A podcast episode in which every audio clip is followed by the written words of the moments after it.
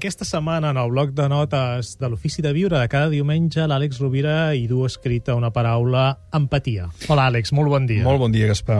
I venim lligant aforismes i fragments de text. La setmana passada parlàvem de Krishnamurti i recordant molt breument el que ens deia, deia que viure és trobar la veritat per un mateix i que això només és possible quan gaudim de llibertat, és a dir, quan hi ha una revolució interior, una recerca interior contínua, una observació interior, no? La frase d'avui és de Marian Wright Edelman i diu el següent. Has d'aprendre a callar prou per tal d'escoltar el so de les coses genuïnes que nien dins teu, de manera que puguis percebre-ho en els altres. Em sembla una frase extraordinària.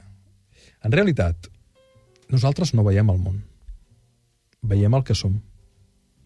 Per això Baltasar Gracián deia aquell aforisme tan bo, qui critica normalment es confessa, no? Tu no pots veure en l'altre allò que tu no ets. Des de la llum fins a l'ombra.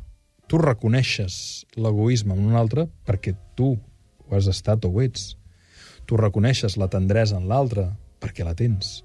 No pots identificar en un tercer allò que no ressona en tu. Quan més gran és la comprensió, l'alfabetització emocional, l'alfabetització espiritual, quan més gran és la consciència, més gran és la compassió. Quan més gran tu pots, quan més pots tu entendre per què una persona pateix com pateix davant d'una circumstància. Quan tu connectes amb la impotència d'un tercer, amb la fragilitat, però també amb la seva arrogància, amb el seu narcisisme, és perquè tu també ho tens.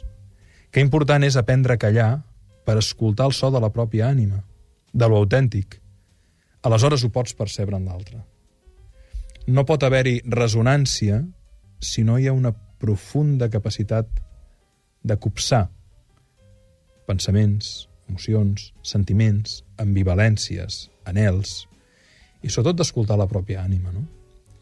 En aquest sentit, diríem que l'ànima és allò que jo diria no? que ens dona la vida, allò que, que es nodreix no només de la pròpia experiència, sinó que d'alguna manera ja ve amb una vocació, amb un talent natural, amb una, amb una autenticitat, amb un valor diferencial. No? Que important és saber callar, saber escoltar, per després poder ressonar i arribar realment a una comunicació de cor a cor empàtic amb l'altre.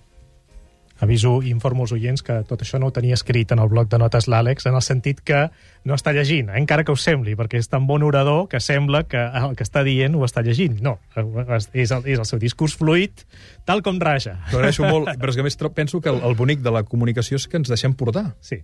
No? Uh, saps, Gaspar, que que tot el que són guions tancats... Bioy Casares deia, por las digressiones entra la vida. I, efectivament, sí. per aquí entra la vida, no? Quan I, ens deixem... I a més aquí hi ha el factor sorpresa. Que bonica és la incertesa conscient, no? No saber per on anirà la conversa, no saber per on anirà la vida en el pròxim instant i deixar-nos sorprendre. Àlex, moltíssimes gràcies. A tu. Fins diumenge, bona Una setmana. Una forta abraçada a tots.